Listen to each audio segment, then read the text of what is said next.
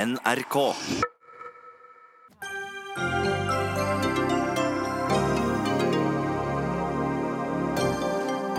Tusenvis av ungdommer demonstrerte for klima foran stortingsbygningen i dag, men politikerne de er kanskje mest opptatt av krisemøter om bompenger nå om dagen.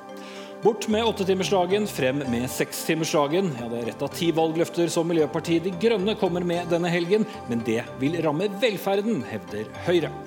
Stortinget feirer 100 år siden også de fattigste fikk eh, stemmerett. Men nordmenn, og særlig de med lavest utdannelse, er mindre og mindre opptatt av å bruke den.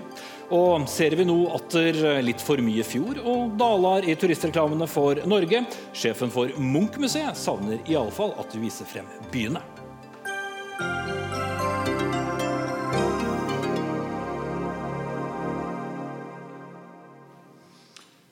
God kveld og velkommen til Dagsnytt 18. Jeg heter Espen Aas, og denne sendingen går fra lagtingssalen på Stortinget. Hvorfor vi er her, så det skal jeg komme tilbake til litt senere. Men først starter vi med noen av dagens aktuelle saker. Og Vi skal starte med det aller siste landsmøtet denne sesongen. Eh, landsmøtet til Miljøpartiet De Grønne. Det foregår på den gamle hovedflyplassen på Fornebu. og Dit kommer 200 delegater til bens, til sykkel, til vanns, eh, til buss og til togs, men neppe med fly. En av eh, mange saker som skal tas opp på dette landsmøtet, er saker som handler om den svært viktige og spennende kommune- og fylkestingsvalgkampen som skal skje fra og med sommeren og utover til september. En av uh, sakene det handler om uh, Et av de ti valgløftene som, uh, som, kommer på denne listen, handler om sekstimersdagen. Å innføre seks timers arbeidsdag i norske kommuner. Og Hanna Markussen, du er byråd for utvikling i Oslo og en av partiets frontfigurer. Hvorfor trenger vi en sekstimersdag, og hvorfor er det en sak for MDG? Nå er det jo sånn at uh, De siste 200 årene så har arbeidstiden blitt gradvis redusert inntil vi landet på 37,5 timer. Men det er nå uh, over 30 år siden. Uh, og det har ikke, etter det så har vi hatt en ganske stor produktivitetsvekst uten at det egentlig har kommet arbeidstakere til gode gjennom mer fritid, lavere arbeidstid. Så det vi ønsker nå, er å gjøre prøveprosjekter i kommuner over hele landet. Fordi vi ser at det er mange som uh, står i slitsomme jobber, sliter med uh, mye stress på jobben. og disse, disse, prøveprosjektene vi ønsker å gjennomføre, er nettopp f.eks. i yrker hvor det er ganske høy slitasje, og hvor det også er ganske høyt sykefravær. Så vi mener at nå er det på tide å se på å redusere arbeidstiden igjen for det vi tror uh, det er, mener det er lenge siden sist. Mm. Heidi Nordby stortingsrepresentant for Høyre og medlem av arbeids- og sosialkomiteen på Stortinget. Høres ut som en god idé? Altså, jeg er for et fleksibelt arbeidsliv, og jeg vet at det finnes mange gode eksempler på sekstimersdag, og at det kan fungere. Men alt det vi har sett så langt av, eh, av prediksjoner for framtida, eh, så viser det seg at for at vi skal opprettholde dagens økonomiske bærekraft eh, for velferdsstaten, så må faktisk flere jobbe mer, og vi må stå lenger i jobb.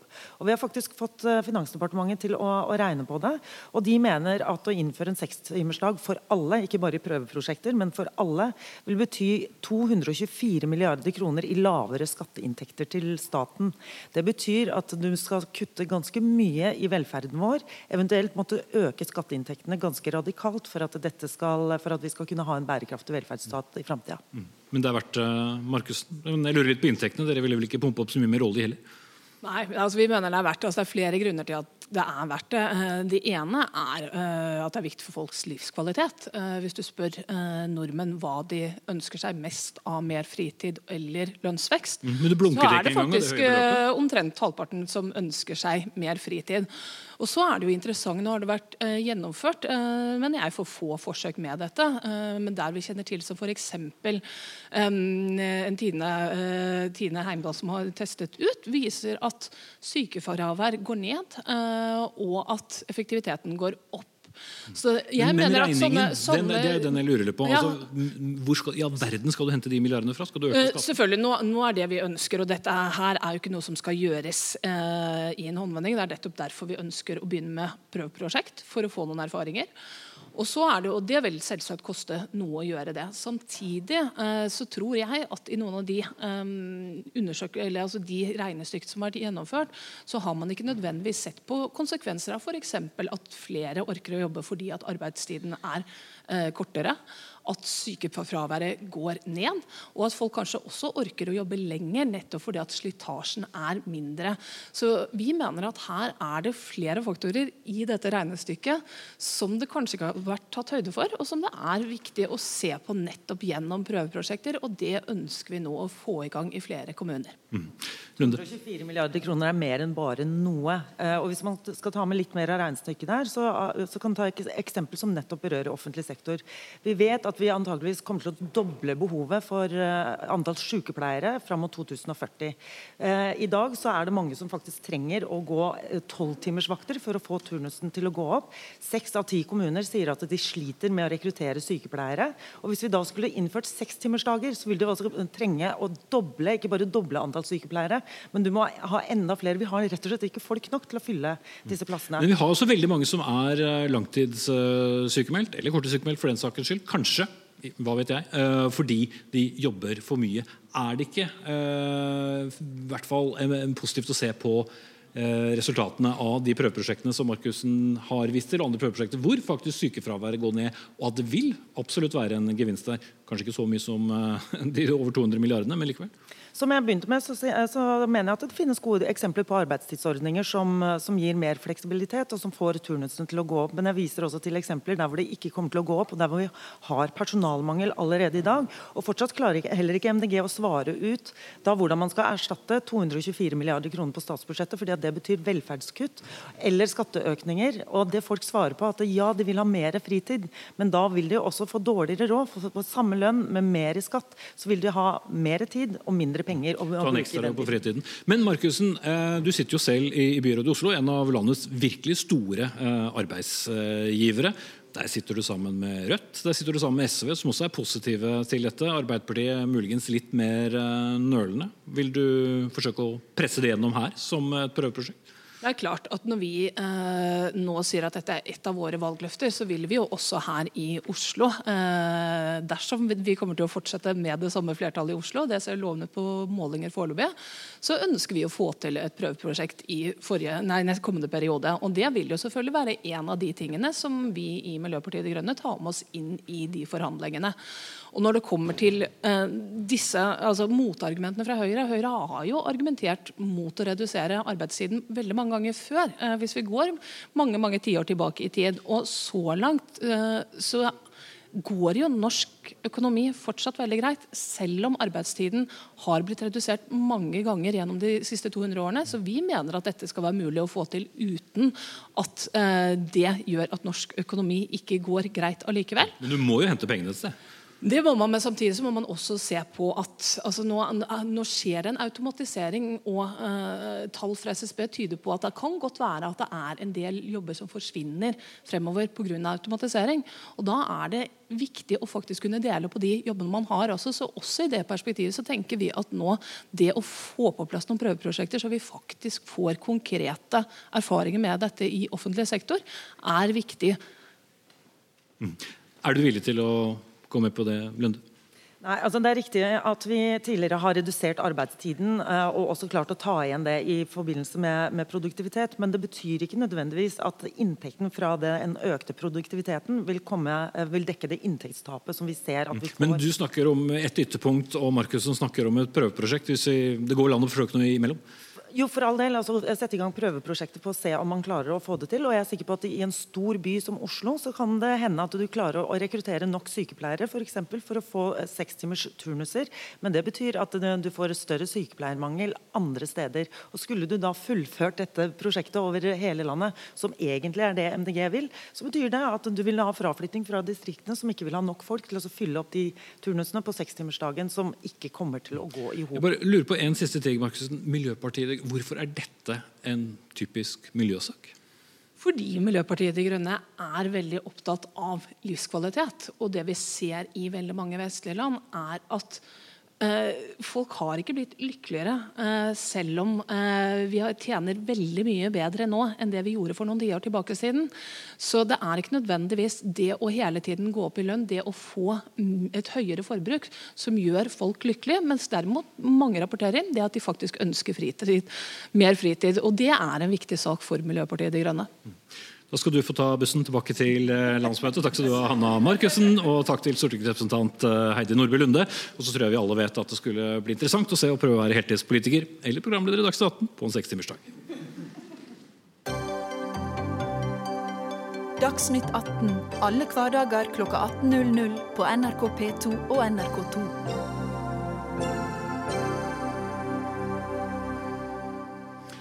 Ja, Nok en gang har skoleelever over hele landet gått ut i gatene på en fredag for å streike for klima. Midt i eksamenstiden har eh, kanskje så mange som 10 000 unge møtt opp 31 steder i landet rundt for å si sitt om eh, klima.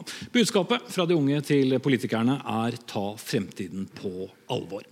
Hanne Lein Mathisen, du er skoleelev og styremedlem for Oslo Unge Venstre og nestleder for Oslo Natur og Ungdom to måneder siden sist. Eh, hvorfor måtte dere gjøre dette igjen? Ja, 22.3 så streiket 40 000 elever over hele Norge. og Likevel så har vi ikke sett at noen av dere politikere med makten har tenkt til å gjøre noe med kravene våre. Derfor har tusenvis av elever streiket igjen nå for å bli tatt på alvor. Det er vår fremtid, og vi krever at dere hører på oss. Vi krever at det ikke blir gitt ut flere oljelisenser. Vi krever at klimafinansieringen trappes opp. Vi krever at vi kutter våre utslipp i Norge med 50% innen 2030, og at vi erklærer klimakrise og gjør de faktisk store tiltakene som vi må gjøre. Mm. Ja, Klima- og miljøminister Ola Elvestuen, nå får du ikke lov til å si det er hyggelig at ungdom eh, engasjerer seg. Har du et uh, godt svar til henne? Nei, Jeg mener at vi har jobba gjennom de siste to månedene, for også siden streiken sist. Nå har vi også bedt uh, etatene, Miljødirektoratet og andre, nå skal de komme før nyttår skal de komme med en plan om hvordan vi kan, kan kutte minst 50% i Norge. Da transport, landbruk, det som har boliger. Så det er det nytt. Og vi har fått på plass to nye ordninger. Du har én med 550 millioner millioner skal på plass i år med støtteordning for tungtransport. Så det kan gå over på hydrogen, biogass eller elektrisitet. Og vi har også fått på plass en ny ordning med støtte inn mot eh, fylkeskommunene på hvordan vi skal ta i bruk nullutslipp i, i hurtigbåter. Så det er de konkrete sidene som går direkte på klima. I tillegg det er jo andre kriser, ikke bare klimakrisa og et tap av natur. Det er også det med plast i havet og en internasjonalt avtale for å ha kontroll på handel med skitten plast. Det har også fått på plass i løpet av de to månedene. Så jeg er ikke enig i at det ikke skjer noe, at vi ikke tar dette på alvor. Du skal få en pusten etter den uh, listen. Lein Mathisen, jeg ser ikke at du ropte 'yes', seier. Nei, Det er jo flott at dere gjør tiltak, men dette er tiltak som du snakker om at dere skal gjøre senere, når de egentlig burde satt i gang i forgårs og lenge før det. Har, ungdom har snakket om, høyt om klima før. Og Kunnskapen har visst om klimatiltakene vi må gjøre lenge, og likevel så ser vi ikke de faktisk store tiltakene bli gjort. Kravene våre står fast, og det er rart at du kan snakke om klimatiltak du vil gjøre, når du ikke tar den store, stygge ulven, oljepolitikken. Ja, men Det viktigste med oljepolitikken er jo at verden må slutte med olje. Det er jo helt grunnleggende. Olje er et problem. Ja, det må vi gjøre. Vi skal slutte med det med å ta den i bruk. Der ligger vi faktisk helt i front. Den elbilrevolusjonen vi har, man kan si det er vanlig i Norge, men det er altså ingen andre som er i nærheten. Og vi viser hvor fort det kan skje. Nå tar vi det på tungtransport. Vi tar det også innenfor eh, skipsfart. Og vi jobber internasjonalt. Vi er helt i front på det som går å ta vare på natur. Den regnskogsatsingen vår. 90% av pengene som bruker på det, er det Norge som bevilger. Vi har et initiativ på hav internasjonalt. Og så vet vi det i Norge. Du må gjøre to ting. Vi må ligge først på å redusere utslipp, og så må vi legge om økonomien for å gjøre oss mindre oljeavhengig. Mm. Det er en stor oppgave. Du må, ha, du må ha nytt næringsliv. Du må dra det i gang, samtidig som vi vet at den delen av norsk økonomi blir mindre verdt. Hvor mye mindre olje kommer Norge til å produsere før eh, hun er ferdig studert?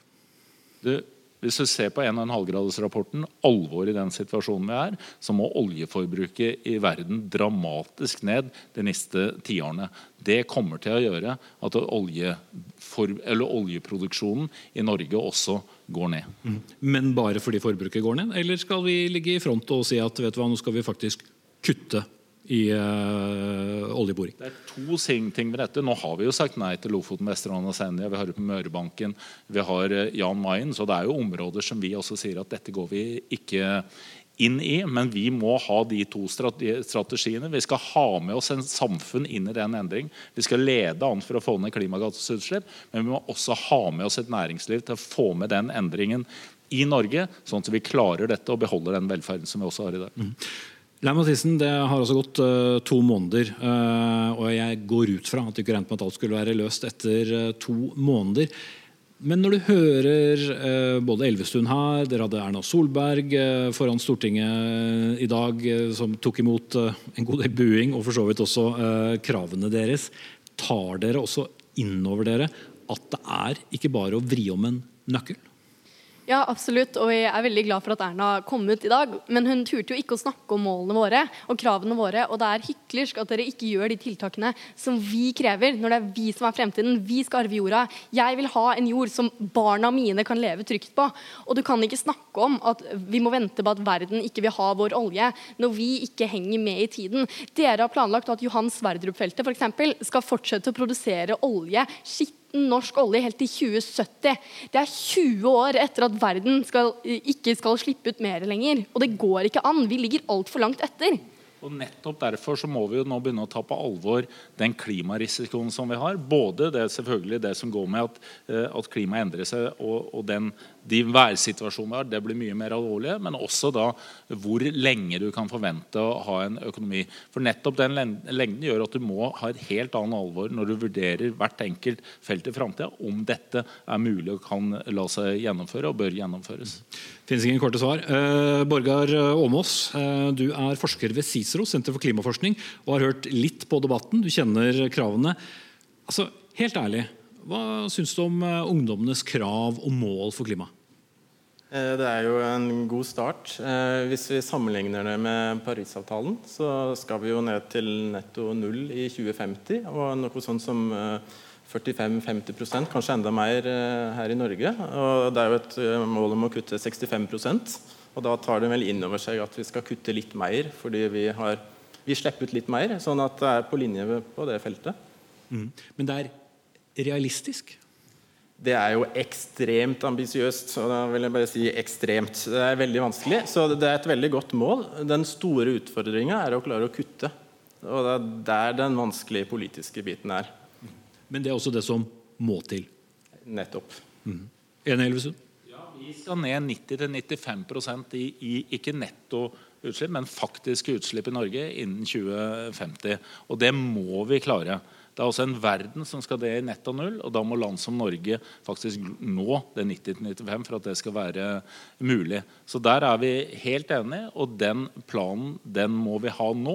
Og det arbeidet har vi startet, eh, men det må gjennomføre med nødvendig kraft for å klare det. Men Leir Mathisen, Hva tenker du selv at dere ellers uh, må gjøre? Skal jeg være litt uh, ond, så vil jeg si at det var mange færre som streiket i dag enn for to måneder siden. hvordan skal dere holde trykket oppå? Hvordan kan du overbevise andre unge om at det er verdt det, når du hele tiden får høre at eh, ja, men det er ikke så lett? Det er ikke jeg som skal overbevise unge. Det er oss unge, vi titusenvis av unge, som skal overbevise dere politikere med makten om at vi trenger å gjøre noe. Dere snakker om at vi har ambisiøse klimamål, at det blir vanskelig å få til. Men det er det vi trenger, for klimapolitikken haster veldig mye. Og dere gjør ikke de store tiltakene, de faktiske kravene vi har, ser vi ikke at dere snakker om. Og dere, må, dere kan ikke fortsette å lete etter olje og ikke kutte nok utslipp ifølge både Parisavtalen og hva vi trenger i verden. Vi trenger å se de faktiske tiltakene, og de ser jeg ikke i dag. Har du ikke litt lyst til å si at hun har litt rett? Er, jeg har det samme engasjementet og har holdt på med dette også siden jeg var 15 år. Eh, og vi skal gjennomføre disse tiltakene for å få ned utslippene. Siste planen er minst 50% innen 2030. Og så er ikke jeg enig i at det viktigste tiltaket er at det er oljebeletingen som må stoppes. Jeg mener det viktigste tiltaket vi har, er å vise hvordan du skal ha et økonomi uten utslipp, uten fossile drivstoff i det hele tatt. Det er det viktige. Og så må vi ta et internasjonalt ansvar, for dette handler ikke bare om våre utslipp. Det handler om å ta vare på natur. Det handler om eh, å, å, vise hvordan vi kan ha fornybar energi. Stoppe den eh, fortsatt utbygging av kull som du har internasjonalt. Fordi det er virkelig en klimakrise. Det er ikke en bompengekrise vi har i Norge. Samtidig som denne debatten eh, foregår, og nå foregrep det meg eh, litt eh, Elvestuen, så har vi sett nå de siste ukene et voldsomt fokus som, som handler om miljø, men kanskje ikke helt det du og dine vil ha. Det handler veldig mye om at det er altfor dyrt å kjøre bil. Ja, jeg syns det er utrolig flaut, og jeg er flau på dere voksnes vegne over at det dere bryr dere om, er bompenger. Dere vil kjøre bilene deres og syns det er urettferdig at dere må betale. Når det er miljøet og klimaet vi må sette tiltak for. Vi kan ikke ha en, et så stort engasjement for bompenger når vi trenger å høre Dere må høre på oss klimastreikere, som faktisk har tiltak som kan redde klimaet. Og det hjelper ikke å snakke om biler og bompenger nå. Det er for sent. For Det ble snakket om krisemøte, men altså ikke for klima, men krisemøte i regjeringen om bompenger. Men klima- og miljøminister Ola Elvestuen, i en kronikk i VG sammen med din partileder Trine Skei Grande i dag, så gjør du det klart at krisemøte om bompenger, det kan du ikke bruke tiden på. Hvorfor ikke? Så stort engasjement der rundt i landet rundt bompenger. Vi skal nok diskutere bompenger i regjeringa også, fordi vi må diskutere alle ting. Men det med bompengene er et virkemiddel for å få bedre kollektivtransport, bedre tiltak for sykkel og gjøre de byene vi har, mer klimavennlige. Og Det er derfor vi har det, og vi trenger dette systemet framover. Vi har altså hatt en enorm suksess med å bygge opp et kollektivnett. Det har du i Oslo, det har du i Bergen, det har du i Trondheim og andre byer. Og det, og det virker på den måten at utslippene går ned, og du har et tilbud som er noe helt annet i dag enn det det var før. og dette må vi bygge videre på. Så du har ikke tenkt å la Fremskrittspartiet gjøre noe med den ordningen? Nei, Vi er nødt til å, vi må løse problemer. Eh, og Da må vi altså sørge for at du har finansiering til Fornebubane eller det er Bybanen i Bergen. Eller det er da å kunne finansiere det tilbudet vi trenger for at folk skal ha et miljøvennlig alternativ. Mm.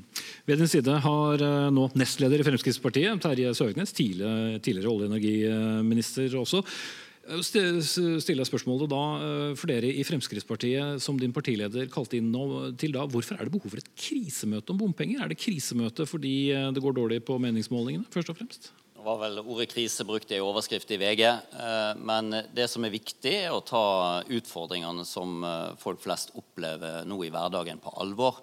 For skal vi få til det grønne skiftet, eller den endringen av samfunnet som man er opptatt av her, så må man ha med seg folk. Da må man ikke plage folk i hverdagen. Elbilfordeler, kjempebra. Det betyr at flere skifter. Men det er ikke alle som har råd til å skifte til ny bil umiddelbart.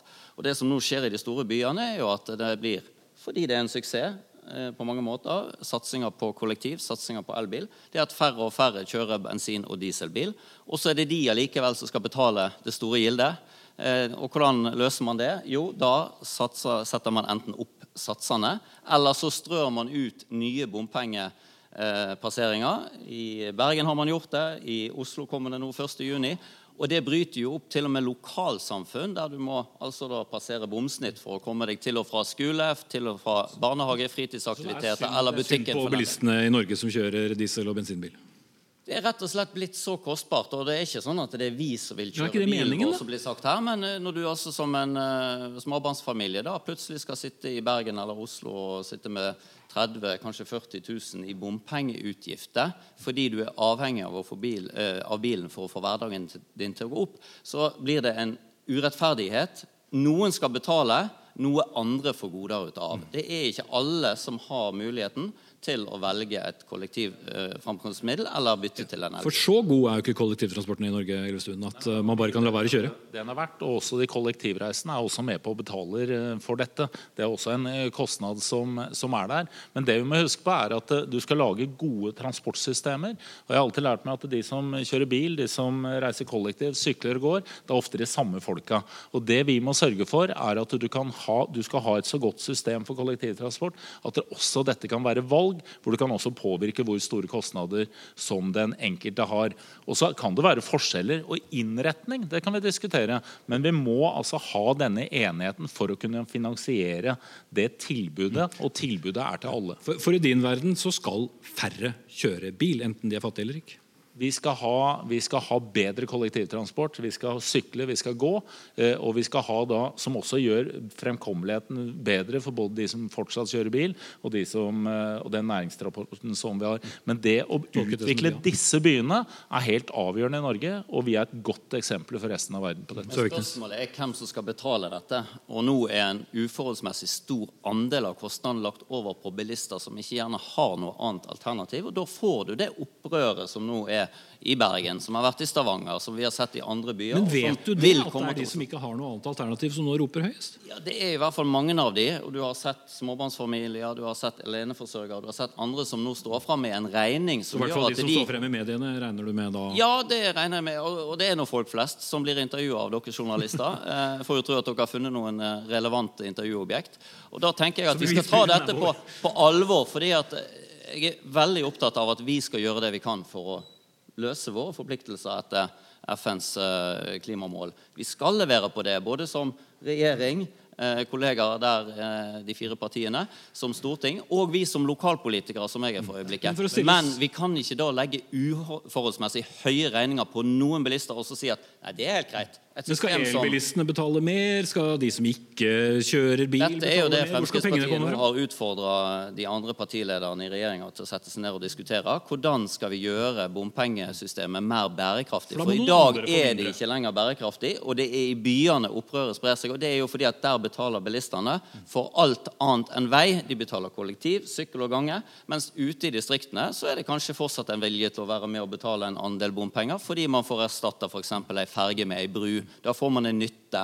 Nå får bilistene som må kjøre i byene, ikke noe nytte. Og det er ikke bare private som har problem her, det er òg næringslivet som har fått ekstreme kostnader knytta til dette. Og hvor hen skal de sende regningen? Jo, den havner jo hos forbrukeren til slutt, de òg, gjennom høyere priser i tjenester og vareproduksjon. Denne diskusjonen kan ikke bare handle om eh, kampen mot eh, bompenger. Du må ha med deg hele, eh, hele, diskusjonen, for dette handler om hvordan vi skal finansiere et godt kollektivnett, hvordan vi skal få til de nye prosjektene som vi trenger i de store byene for å fortsette den omleggingen som vi har. Og dette, Denne forenklingen av dette, som om det bare handler om hvem som skal betale inn, det går ikke. Vi må altså utvikle byene. og Det holder ikke nå å bare stoppe opp og vente på at dette skal vi gjøre seinere.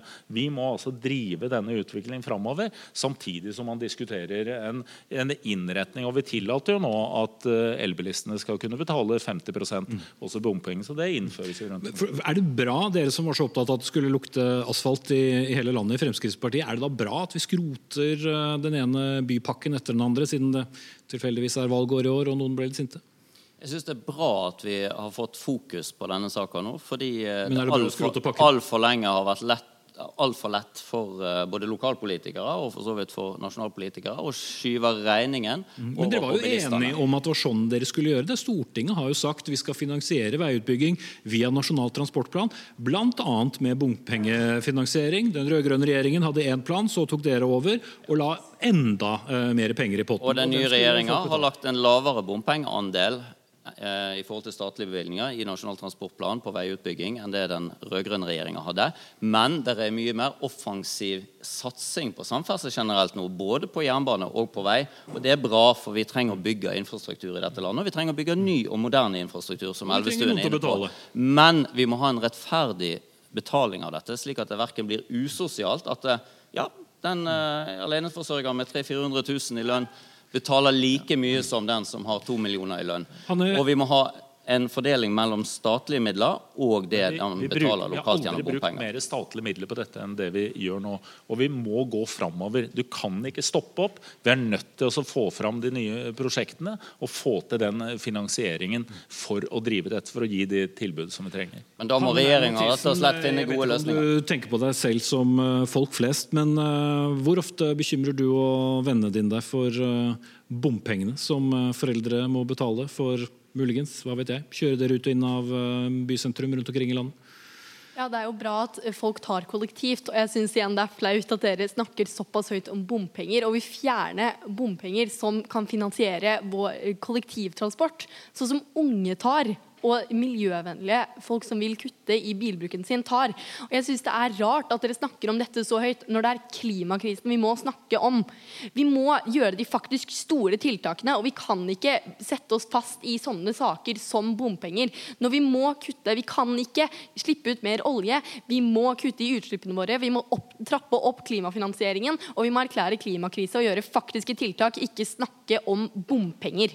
Det er et veldig godt prinsipp at den som får nyte godt av et gode, faktisk òg betaler for det gode.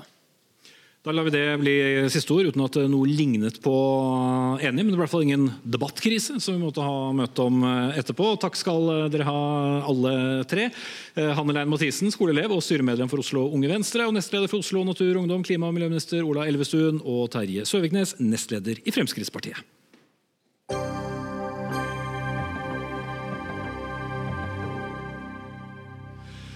Som sikkert mange har eh, fått med seg, så er det ikke det vanlige fargerike Dagsnytt 18-studio vi sender fra i dag. Det er langt eh, mer ærverdige omgivelser. Vi sender altså fra lagtingssalen på Stortinget. En sal som ikke har vært i vanlig bruk lenger. Før hadde vi en lagtingssal og en odeltingssal, eh, men så er alt blitt flyttet inn i den store stortingssalen. Men vi får sende herfra i dag, og hvorfor gjør vi det? Jo, fordi Stortinget har en åpen dag. Publikum kan Eh, for en gangs skyld komme virkelig på innsiden av maktens korridorer, som vi liker å si.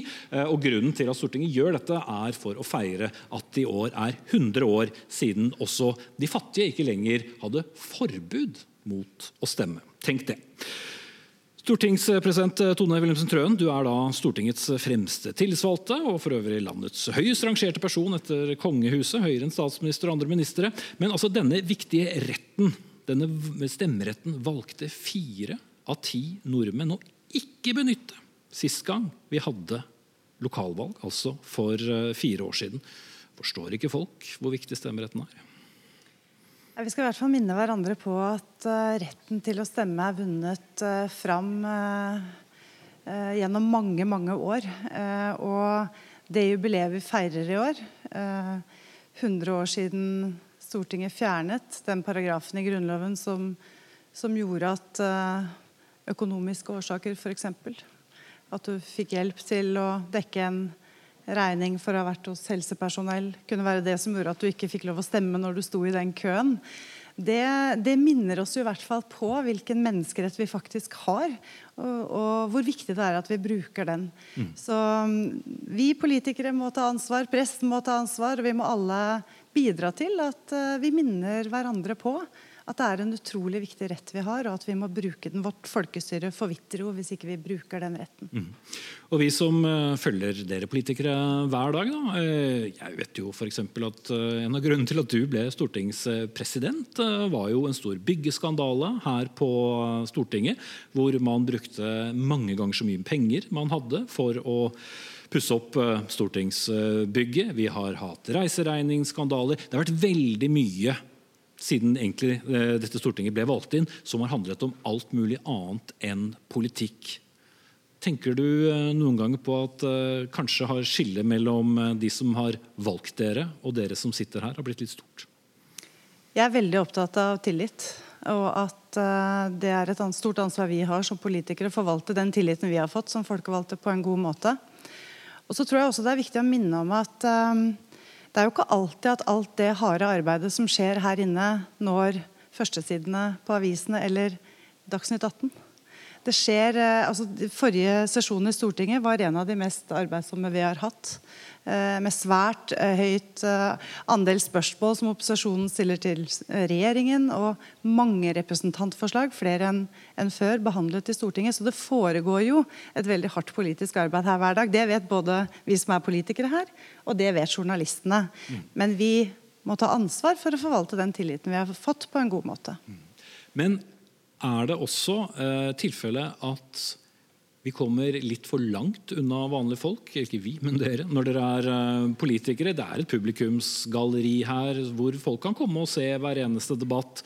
Vi sender eh, lange sesjoner på, på, TV og på nett uh, hver eneste dag. Men følg, forstå, altså, for å sette litt på spissen, du er, du er jo selv folkevakt. Forstår folk egentlig nok hva slags jobb du gjør som politiker? Det er sikkert litt uh, ulikt. For det første så er jeg veldig glad for at vi har et åpent storting i dag, selvfølgelig, hvor alle kan få komme inn og se det huset vi alle eier. uh, men det dyre huset, ja. Ja, dette var bygget i 1866, så det var sikkert dyrt den gangen også. i den målestokken. Men, eh, men, eh, og at vi alle møter streames ikke sant, i stortingssalen. Alle høringer streames. Så Før så sto det jo kø nedover Karl Johan for å komme inn på publikumsgalleriet her. Nå eh, følger veldig mange det som skjer her på, på, på nettet. Og så er det viktig for meg å si dere har jo, Pressen har jo diskutert våre reiseregninger. Eh, våre stortingsrepresentanter reiser veldig mye ut og møter folk. Eh, det tror jeg er en av de viktige oppgavene som stortingsrepresentantene tar på alvor. Nettopp fordi vi er folkevalgte, og nettopp fordi vi skal ut og se i bygd og by, på sykehjem og i klasserom. Så skal vi snakke med, med folk, og det vet jeg at mine kollegaer gjør. Det er også noen andre som får lov å komme og gå som de vil i denne sal eller dette hus, og det er politiske journalister som eh, tilhører det som heter Stortingets presselosje. Og den som er leder for denne presselosjen, det er deg, Mats Rønning. Du er til daglig leder for politisk avdeling i eh, Dagbladet. Hvis vi skal eh, gå tilbake til liksom det litt sånn bolde, demokratiske her igjen. Er det lett å være politisk journalist på Stortinget i Norge? Vi har alle forutsetninger for å gjøre en god jobb. Vi har eh, god tilgang til politikerne. Vi har mulighet til å følge prosessene både i salen og for så vidt også komitéarbeidet som foregår mer i det skjulte for folk flest. Eh, så forutsetningen ligger absolutt til rette, og klarer vi ikke det, så er det vår egen feil. Mm. Er dere opptatt av de riktige sakene? Det tror jeg det er ulike meninger om. Absolutt. Vi, vi jo, du, var jo inne på noen av disse sakene som ikke akkurat dreier seg om politikk innledningsvis her. og Det er jo saker som har kommet opp kanskje nettopp fordi vi har en ekstra tilgang eh, inn i, eh, i, Stortinget. Og Så prøver vi å følge de eh, tyngre prosessene også. Det er jo sjelden sånn at de sakene som blir vedtatt som det er si, konsensus eller enighet om, når forsidene. Men konflikten er vi jo opptatt av å beskrive, enten det dreier seg om saker eller skandaler. Mm. Kan politikerne legge problemer i veien for eh, dere som i utgangspunktet kan gå inn på hvilket som helst eh, kontor her? Ja, altså det er klart at Vår adgang er jo konstant under press. Eh, og Det er jo utrolig hyggelig å se så mange folk i Folkets hus som i dag. Det burde jo være sånn langt oftere det er vel kanskje i sammenhenger hvor eh, presset mot enkeltrepresentanter, oppmerksomheten eh, knytta til enkelte partier annet, er store, at uh, partiene selv kan avskjerme og stenge av korridorene, ikke minst. da. Uh, men det har ikke kommet til det at vi ikke får tilgang til vandrehallen eller fellesarealene på Stortinget. men bare i den tiden jeg har vært i styret i Presselosjen, så har det vært dialog med Stortingets ledelse om hvordan adgangen vår skal håndteres. Og det er klart at Da er vi jo inne på noen interessemotsetninger som vi, som vi eh, diskuterer. Mm. Er det åpenhet når det passer Stortinget? Nei, Jeg oppfatter at eh, presidentskapet og Stortinget er opptatt av å legge forholdene best mulig til rette for journalistene på Stortinget. Vi har ulike roller. Eh, men pressen har en veldig veldig viktig oppgave.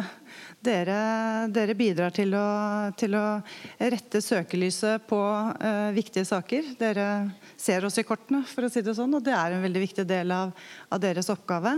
Uh, og så vil det sikkert noen ganger være tilfeller hvor man kan være uenige om tilgangen, men slik jeg oppfatter det, så, så er det i vårt parlament gode arbeidsvilkår for, for presselosjen. Eh, og det er jo faktisk sånn at i Norge er det presselosjen selv som bestemmer hvem som skal være medlemmer i presselosjen. Mens i våre to naboland, Sverige og Danmark, så er det jo faktisk ikke slik. Mm. Der er det ikke presselosjen selv som bestemmer. Så jeg, jeg, ja, jeg syns vi har et, eh, et, godt avklart forhold og ulike roller. Og det skal vi ha.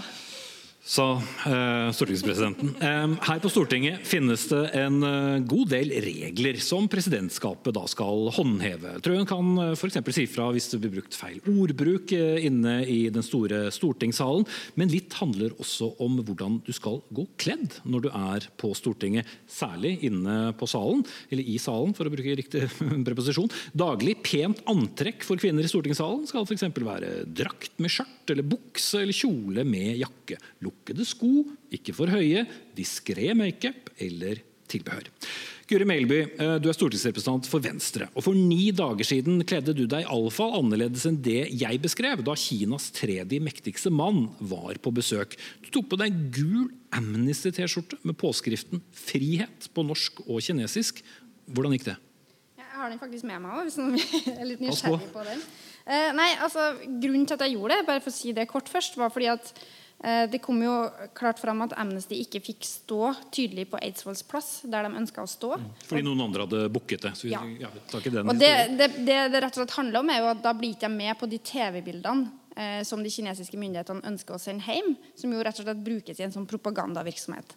Og Da tok Petter Eide fra SV kontakt med meg og lurte på om jeg ville være med på en liten markering. At vi tok på oss de samme T-skjortene og stilte oss opp på et sted der vi ville være synlige. da for pressekorpset, slik at vi kunne få kanskje en sjanse til å bli med på noen av de bildene.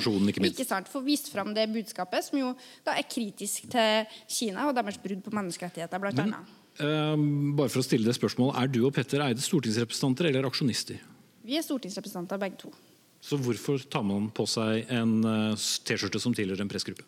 Altså, uh, Jeg har ikke for vane å demonstrere eller aksjonere når vi har eh, statsbesøk. Det har ikke jeg. Eh, jeg tror vi begge opplevde at dette var en ganske spesiell situasjon. Eh, der når Amnesty ikke fikk tilgang på den beste plassen, på Eidsvolls plass, men ble forvist ganske langt bak på plenen, så var det faktisk en knebling av ytringsfriheten. Og da mener jeg at jeg som stortingsrepresentant og som politiker og som en person som har tilgang til disse områdene, eh, faktisk bør bruke den talerstolen som det er. da, Bruke ytringsfriheten min til å vise fram det budskapet som Amnesty ikke fikk anledning til å vise Ble det suksess? Altså, eh, Det var en eh, stor gjeng fra den kinesiske ambassaden tror jeg, som stilte seg foran oss. så eh, Den umiddelbare suksessen vet ikke om vi fikk. Jeg er litt usikker på om delegasjonen i det hele tatt så oss der vi sto bortgjemt. Men hvordan reagerte vaktene på Stortinget? Eh, nei, altså jeg mener jo Det positive med det her var jo faktisk at vi fikk ganske mye debatt om eh, Eh, ikke minst det at Amnesty var plassert langt bak. Vi fikk ganske mye debatt om hva som var årsaken til det her. Eh, hva slags rolle de kinesiske myndighetene har hatt. Da. Og Det synes jeg er en viktig sånn bevisstgjøring. Mm. Men uh, Trøen, uh, kan Melby ta på seg en uh, aksjonist-T-skjorte og likevel gå inn på Stortinget? Hvordan er reglene?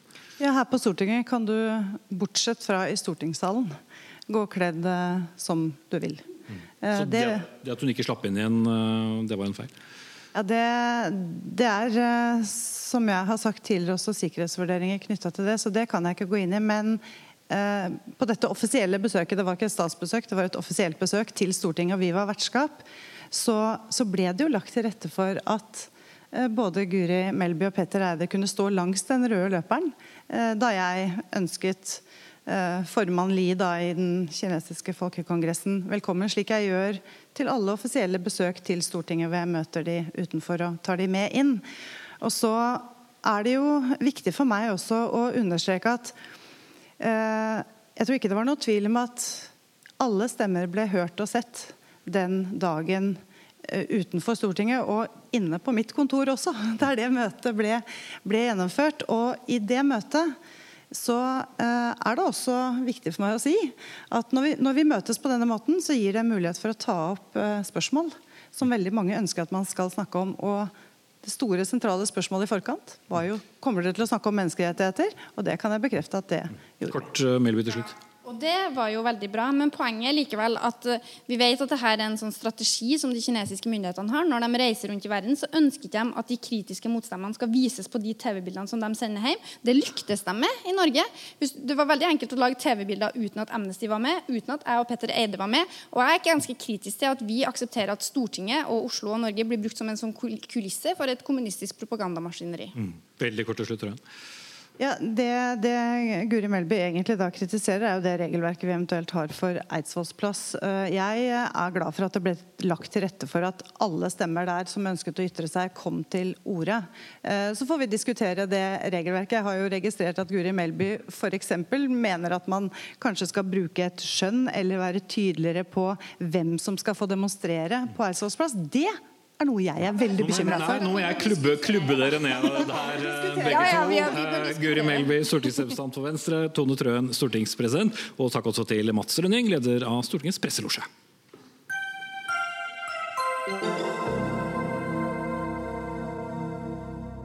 til eh, enda mer politisk drama, om enn utenfor landets grenser. For Storbritannias hardt prøvde statsminister Theresa May hun ble lenge omtalt som en som hadde flere liv enn katten, helt til i dag. I will shortly leave the job that it has been the honour of my life to hold. The second female Prime Minister, but certainly not the last. I do so with no ill will, but with enormous and enduring gratitude to have had the opportunity to serve the country I love. Som eh, vi hørte i denne følelsesladde talen, så annonserte hun altså omsider vil kanskje mange si, sin avgang i dag. Det har gått nesten tre år siden det ble et britisk flertall for at landet skulle forlate EU. Men når og hvordan dette skal skje, se det er ennå helt uklart. Og Det er nå til slutt den som tar over Theresa Mays jobb som må løse denne floken. Og London-korrespondent eh, Øyvind Nyborg, du sto utenfor den berømte døren down i Downing Street nummer 10 i dag da hun sa dette. Hvordan var stemningen der da? For dette var for så vidt noe som var forventet. Ja, men eh, det ble helt eh, stille. Eh, Jeg vil si nesten alt av det som kan krype av pressefolket var her. Masse internasjonale pressefolk. Og det ble helt stille da hun kom ut. Og det var jo et veldig spesielt øyeblikk da vi så disse antydningene til tårene kom mot slutten. Og dette var jo et spesielt øyeblikk. Hun er jo historisk i den forstand at hun er nå den fjerde britiske statsminister, den andre kvinnelige, som er nødt for å gå av pga. den veldig vanskelige EU-saken her. og Den første var Margaret Thatcher. Karma der kanskje for noen, eh, men mange har jo nå meldt seg på i kampen, eh, pussig nok vil kanskje noen si, eh, med å overta vervet etter Teresa May. Hun skal jo ikke gå av med det første, som det har blitt fleipet med. Det er Mayday først i juni. Hvem er det som, eller hva, hva er det som skjer? Hvordan er prosessen videre? Jo, det er jo en slags eh, realityshow som skal nå skje i Underhuset. Fordi eh, nå skal eh, Underhusets konservative medlemmer de skal stemme ut den minst populære én og én av gangen hver tirsdag og hver torsdag, til man til slutt står igjen med to kandidater. Så skal disse to ut til en slags uravstemning blant alle partimedlemmene i landet. Og det blir jo selvfølgelig veldig spennende å se om man klarer å, å få til dette før juli, eller om han er nødt for å vente helt til september med å få et endelig resultat. Og den som til sjuende og sist får denne jobben, Øyvind, det blir ikke noen eh, walk in the park? Nei, det blir ikke det. Men nå blir det jo eh, akkurat det samme politiske sammensetningen i Underhuset. Et underhus som ikke klarer å enes om eh, egentlig noe som helst når det gjelder eh, hva slags versjon av brexit man ønsker seg. Det eneste som det delvis har vært et flertall for, er å ikke gå ut av EU uten noen avtale i det hele tatt. Men nå har jo ting snudd veldig i det, i det siste, og mye tyder vel kanskje på at man får en hard brexit-forkjemper i statsministerstolen. Og da, da er eh, da kan jo en, en slik, et slikt scenario skje. Eller om man f.eks. river brexit-avtalen helt i stykker, kaster opp alle kortene i luften igjen og starter en ny forhandlingsrunde med EU. Og, og da blir jo denne fristen den nye brexit-dagen 31.10. Selveste halloween-kvelden. Ikke lenger brexit-dagen, kanskje, og da blir det en ny utsettelse. Sjelden har det vel føltes mer riktig å si til en påtroppende statsminister lykke til. Takk skal du ha, Øyvind Nyborg. Hør Dagsnytt 18 når du vil. Radio NRK Radio.nrk.no.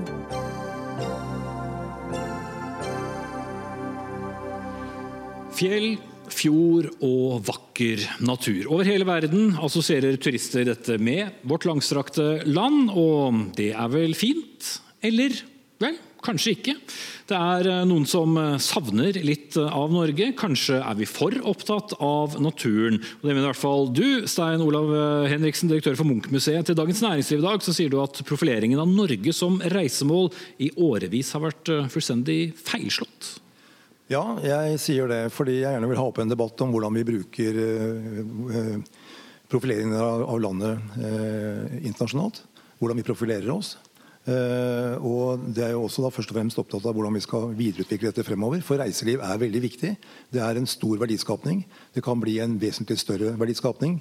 Og så ser vi at den strategien vi har valgt, uh, den handlingen vi bruker, den gir ikke resultater. To rapporter har kommet opp nå i det siste og sier at dette får vi veldig lite igjen for, og foreslår kutt. Jeg mener at kutt er det verste vi kan gjøre. Det vi bør gjøre nå, er å øke innsatsen, men vi må passe på at den Eh, skaper verdier, og at vi bruker dem på en optimal og fornuftig måte. Og Det er sånn i dag at vi taper markedsandeler. Eh, det er sånn at eh, vi ikke legger fram storbyene våre. Slik at Når vi profilerer oss gjennom mange tiår nå med, med naturopplevelser, Eh, og utkantstrøk, så er det ingen der ute som vet at vi har storbyer med kunst og kultur. Og vi har mange flotte byer nå. Vi har mye flott natur også. Men det er mye som investeres i infrastruktur for å gjøre disse byene enda bedre i forhold til kunst og kultur, og i forhold til matopplevelser og i forhold til natteliv osv. Mm. Og det må vi bruke i norgesprofileringen for å vise at vi er et moderne land, og for å vise at vi er et interessant sted å besøke. Ok. Kristian Jørgensen, du er direktør i Fjord Norge. Du er med oss fra Bergen. Eh, ja, det var feilslått å satse på natur gjennom så mange år? Altså Jeg forstår ikke hvorfor man må kalle noe for feilslått eh, for å få frem eventuelt noe man ønsker videre. Altså Det Vi ser er at vi har jo lykkes så til de grader med å utvikle eh, Norge som ferieland i forhold til nettopp det å bruke natur. Jeg mener Vestlandet har økt med 33% på åtte år. 800 000 gjestedøgn. Preikestolen vet vi alle hvordan har utviklet seg. Trolltung har gått fra å være ukjent til å bli eh, godt av 100 000 mennesker i året. Eh, Flom, Geiranger har vi diskusjon om hvordan vi skal få færre, ikke flere. Nord-Norge har hatt et eldorado i forhold til nordlysturisme. Eh, Tromsø som by har vokst med 110% på fem år pga. satsing inn bl.a. mot natur. Og Han peker på storbyene. Henriksen. Vel, Bergen har vokst med 75% i denne perioden, nettopp fordi de evner å bruke både kultur og natur.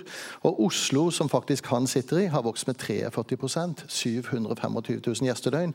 Så spørsmålet mitt er egentlig om det er Munch-museet som ikke har klart å lykkes med sin strategi, eller om det faktisk er vi som har eh, lykkes eller ikke lykkes med vår. Som programleder pleier jeg å si, jeg tror den gikk til deg. Ja, det er det at eh, Når vi da øker med ca. 1 eh, for hele fedrelandet fra det ene året til det andre, Eh, andre land ligger på langt over det. Gjennomsnittlig for storbyer globalt er 15% økning, 15-20% økning årlig. Vi snakker om Danmark. Der har hotellnæringen femdoblet omsetningen i løpet av fem år. Det hjelper ikke noen få prosentøkninger i året. Vi ser jo resultater i Danmark, i Skottland, andre steder som er helt radikalt mye bedre enn det vi har fått til her. Men det er ikke viktig for meg. Det viktige nå er hva gjør vi framover. Jeg kan ta et lite eksempel, bare for å gi et bilde. Ok, National Museum of Scotland i Edinburgh har dobbelt så mange besøkende som Oslo. Og det lurer jeg da på, Bente Bratteland Holm, direktør for Reiseliv Innovasjon Norge. Når to da ferske rapporter fra PwC og Oslo Economics slår fast at effekten av den offentlige reiselivsprofileringen har begrenset betydning for verdiskapningen i Norge, er det da på tide å legge om? Eh, ja og nei. Jeg må først si at Det Henriksen viser til i de rapportene, her, det er, det, det er jo, noe som har vært. Eh, rapportene de stoppa i 2017. I 2017 fikk vi en ny stortingsmelding, og da la vi også fram en ny strategi. Nettopp med å få fokus på akkurat dette, i samarbeid med storbyene. Og Nå syns jeg ikke vi skal skjelle så veldig mye på de store byene kontra land, for vi har utrolig mye vakker eh, kultur rundt omkring i landet som vi også må være med å profilere. Og det gjør vi. Og vi har storbyer. Og vi har storby. Eh, og vi kan jo si det at bare bare de siste åra har vi brukt over 40 millioner på å fremheve kultur i storbyene. Bare til nå i år har vi hatt 135 journalister som har produsert 700 artikler om kultur i de norske byene. Så det handler jo om hva vi, vi har tatt tak, vi har gjort grep, og det skal vi fortsette å gjøre framover. Nå har dere presentert så mye tall at jeg tror nesten folk må ut og, og lufte seg litt. Men det jeg lurer på eh, Sier du da begge to har rett, eller sier du at Det er ikke snakk om enten-eller. Eh, vi har et fortrinn i vår natur som vi skal utnytte, men det er masse vakker kultur i den naturen, og det må vi være flinkere å løfte fram. Hvis vi ikke gjør det, så får vi bare de naturbaserte turistene, eh, og, det var veldig mye snakk om økninger her. Jeg er heller ikke med på at vi skal bare jage etter flere. Vi må finne de rette. Hvem er de som, som vil komme hit, være lenge, bruke kultur og natur og legge igjen mye penger og, og dra glad hjem igjen? Det er det vi må være ute etter. Sentrale er nemlig det at De som søker til byopplevelser, storbyopplevelser, legger igjen mellom tre og syv ganger mer enn de som går på naturopplevelser. Det er det største reisesegmentet. Ikke sant? Det er det største reisesegmentet. Det er de som øker mest og det er de som legger igjen aller mest penger. Så det er klart at Vi må være opptatt av det segmentet. Det er også bra for Fjord-Norge og Vestlandet og Nord-Norge at vi trekker til oss mer folk. Og da må vi bruke det vi har av verdier. både Men, men, men Jørgensen, eh, du sitter altså i Bergen og ikke i denne sal. Eh, men det, vi har jo også vært bekymret for at det er for mange uh, turister som f.eks. skal besøke sårbare områder. Så er det ikke bare bra å kanalisere noe av denne trafikken til litt mer asfaltbelagte byer. Kanskje noen av de har et høyt bygg med en liten knekk på toppen òg? Jo, og Den diskusjonen pågår faktisk for fullt, og det jobbes faktisk nettopp akkurat det. Og Min reaksjon går egentlig ikke på at nettopp både kultur og natur brukes. Min reaksjon går på at man kaller det man har gjort for feilslått. Det stemmer rett og slett ikke. Eh, la oss heller være enige om det vi har gjort har fungert bra, men at vi trenger å gjøre en del endringer videre for å hente ut et enda større potensial. Og Det handler om å bruke både natur og kultur bedre sammen, og det handler om å koble by og land i større grad sammen. Det å skape mot motsetning som Henriksen gjør mellom kultur og natur på denne måten her, og mellom by og land, det er ikke med å bringe Norge sammen som reiselivsdestinasjon. Det er kun med å sørge for at man har hatt fokus på Oslo og eventuelt kulturinstitusjonene som ligger i hovedstadens sentrum. Jeg snakker om storbyer. Det er like mye Bergen på Vestlandet som det er Stavanger, som det er Kristiansand, for den saks skyld kan være Tromsø eller andre byer. Jeg snakker om storbyopplevelser. Nei, jeg syns ikke det. Jeg synes at hvis, vi, hvis vi hele tiden sier, sitter og sier at vi er veldig fornøyd med det som har vært, da får vi ikke noe endring. Jeg vil ha endring, jeg vil ha debatt, jeg vil ha en helt annen strategi. Jeg vil ha en kunnskapsbasert, langsiktig strategi for norsk reiseliv og norgesprofilering. Det er det jeg ønsker meg. Da må vi debattere det. Da må vi også si at ikke alt det vi har gjort, er vellykket. Hvis du holder på med det, så kommer du ikke videre. Vi, gjør, vi er ikke best i klassen. Vi er langt fra best i klassen. Vi burde bli best i klassen. Innovasjon Norge, er det ikke faktabasert uh, forskning vi har? Absolutt, det er faktabasert. Uh, og, og, vi, og vi, har, vi, har, vi, har, veldig mye fakta som vi baserer alt det vi gjør på framover nå. Og vi, vi leter jo stadig etter de segmentene, etter de behovssegmentene som er der ute, som vil komme og besøke nettopp det vi har. Eh, og det er jo en økning, eh, det er det. Så må vi jo finne ut hvor skal vi ha turistene, hva skal vi tilby dem, eh, og hvordan skal vi få dem til å legge igjen penger. Så vi er jo egentlig enige, men det Jo, mulig det, men hvor ofte er det da sendt ut reklame som, som viser frem de mer urbane fristelsene og de store kunstmuseene, galleriene, de som ikke er stengt for så vidt, og andre ting som man kan gjøre i byene? For det er mye fjord og fjell? Det er mye fjord og fjell, og det er jo ikke så rart, for vi har jo markedsført fjord og fjell i 100 år og har lykkes med det. Eh, og så må vi gå et steg videre. Eh, vi kan jo bare se at vi har jo, vi har jo noe ute hele tida eh, i sosiale medier. De tre mest sette eh, filmene, delingen som vi har nå, det som folk er nysgjerrig på, det er arkitektur, skulpturparker, eh, urbanitet basert på norske verdier. Det er det folk er opptatt av, og det er det vi viser dem nå. Hele tida, hver dag, hele året. Mm. Ja, Kristian Jørgensen. Fra Bergen her. Eh, det jeg vil faktisk si at Vi har jo nettopp holdt på med dette en stund.